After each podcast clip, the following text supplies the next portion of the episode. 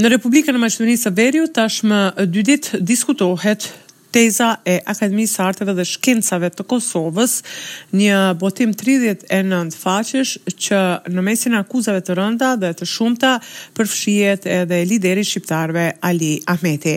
Ndonëse këto teza janë të papranueshme dhe të pabaza, sipas analistëve politikë dhe njohësve të çështjeve politike, megjithatë lideri Ahmeti në një koktej të rastit të organizuar nga partia e tij, në mesin e shumë të pranishmëve i është kundërpërgjigjur këtyre akuzave, duke thënë se nuk kemi tokë për të falur. Raportet e Kosovës dhe Serbisë, nga periudhat më të hershme deri në zhvillimet e fundit, janë publikuar në këtë analizë 39 faqesh me autor akademikun Mehmet Kraja. Në këtë analizë përmendet propozimi për ndarjen e Kosovës, ku thuhet se kryetari i Bashkimit Demokratik për Integrim Ali Ahmeti ka dhënë mbështetje duke garantuar se ndarja e Kosovës nuk do të ketë reflektim në Maqedoninë e Veriut. Me anë tjetër, mbështetja që mori nga disa liderë shqiptarë të Maqedonisë së Veriut, thuhet në këtë botim, Ali Ahmeti, se do ta pranonin në qetësi ndarjen e Kosovës duke mos kërkuar që ata të bashkoheshin me Kosovën ose me Shqipërinë dhe duke mos e copëtuar këtë shtet, nuk ishte asnjë garanci se me një ndarje të Kosovës nuk do të rrënohej njëkohësisht edhe paqja e brishtë në këtë kërthizë të Ballkanit Perëndimor. shkruan në analizën e Akademisë së Shkencave të Kosovës. Megjithatë, i prerë, i qartë, i bindshëm ishte reagimi i liderit Ali Ahmeti. Ndjekim deklaratën e tij. Pavarësisht deklaratave apo analizave që bëhen se gjoja se unë paskam qenë, për ndryshim të kufijve të Kosovës, unë pa i rënë brisk fytyrës, Për atë pavarësi dhe për ata kufij të Kosovës kam dhënë gjithçka nga jeta ime dhe unë nuk bëj pazare me copa e grima të vendit që është gjak i gjakut tim, është gjak i shokëve të mi.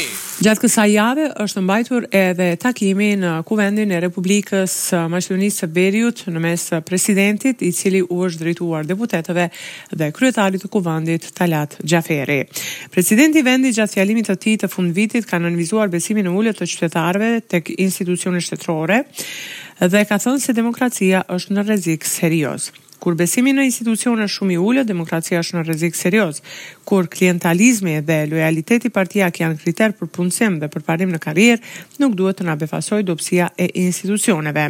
Bllokadat politike dhe fizike të cilat i shohim në kryevepër muajve të fundit, sigurisht nuk do të jenë të fundit, ka deklaruar Stevo Pendarovski. Gazetarët e kanë pyetur menjëherë kryeministrin e vendit Kovaçevski për këto deklarata, por ai nuk ka pranuar t'i komentojë. Në anën tjetër është publikuar një anketë e IRI-t amerikan për besueshmërinë e institucioneve si dhe për votat apo besimin që u ipet liderëve të këtij vendi dhe udhëheqësve të partive. Besimi tek institucionet është shumë i ulët, ndërkaq në kampin politik shqiptar me besueshmërinë më të lartë ngelet Ali Ahmeti me gjashtë për qind. Pas anketave dhe rezultateve ku shifet se LSDM maqedone aktualisht në pushtet është mjaft ulët me përqindje, kryeministri i vendit Kovaçevski ka thënë se zgjedhje nuk do të ketë dhe ato do të mbahen në vitin dy mijë e njëzet e katër. Për më tepër ndjekim deklaratën e tij, si dhe kundërpërgjigjen nga Kristian Mickovski nga VMRO-DPMNE. Nëse shohim rejtingun politik, atëherë edhe ai është respektibil duke pasur parasysh periudhën dhjetë mujore të drejtimit me qeverinë. Sa i takon gjyqësorit, nuk do të përgjigjesha. Përfundimet duhet t'i shërbejnë secilit që preket nga ajo anketë, që të moderojë strategjinë dhe punën e tij në të ardhmen. Vlerësoj se politikat të cilat i ka kjo qeveri dhe partia ime do të sjellin rezultate shumë më të mira në anketën e ardhshme. Nëse më vota anketë tani e prajmë me mesazh në. Jo vetëm në atë anketë, ne bëjmë disa anketa në muaj dhe ata janë të qarta se për momentin me këto kushte, me këto rrethana dhe me diktat bullgar, nuk ka ndryshim të Kushtetutës. Është shumë e thjeshtë. Gjatë kësaj jave kanë vazhduar alarmet për bomba në shumë shkolla. Ministri për Punë të Brendshme, Oliver Spasovski, njoftoi se është formuar një ekip i cili do të përbëhet nga më shumë institucione dhe i cili do të ketë për detyrë të zbulojë dhe pengojë sulmet dhe kërcënimet kibernetike. Sipas tij, rasti me raportimet për bomba në Dellçevë është duke u zbardhur. Ai madje shpreson se ky rast do të zgjidhet shumë shpejt. Sidoqoftë, frika dhe kontrollet e rrepta janë në çdo institucion pas alarmeve për bomba.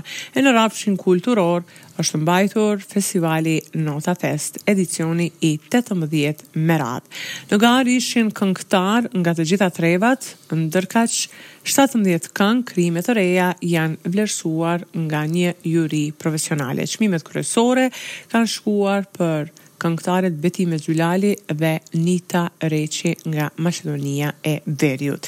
Ky festival është rikthyer pas shumë vitesh ndërprerje dhe përbën një prej festivaleve më të njohura në Republikën tonë, apo i vetmi i muzikës së lehtë që mbështetet nga Ministria e Kulturës dhe institucione relevante për ta vazhduar traditën si eveniment i nevojshëm për kulturën shqiptare në vendin tonë.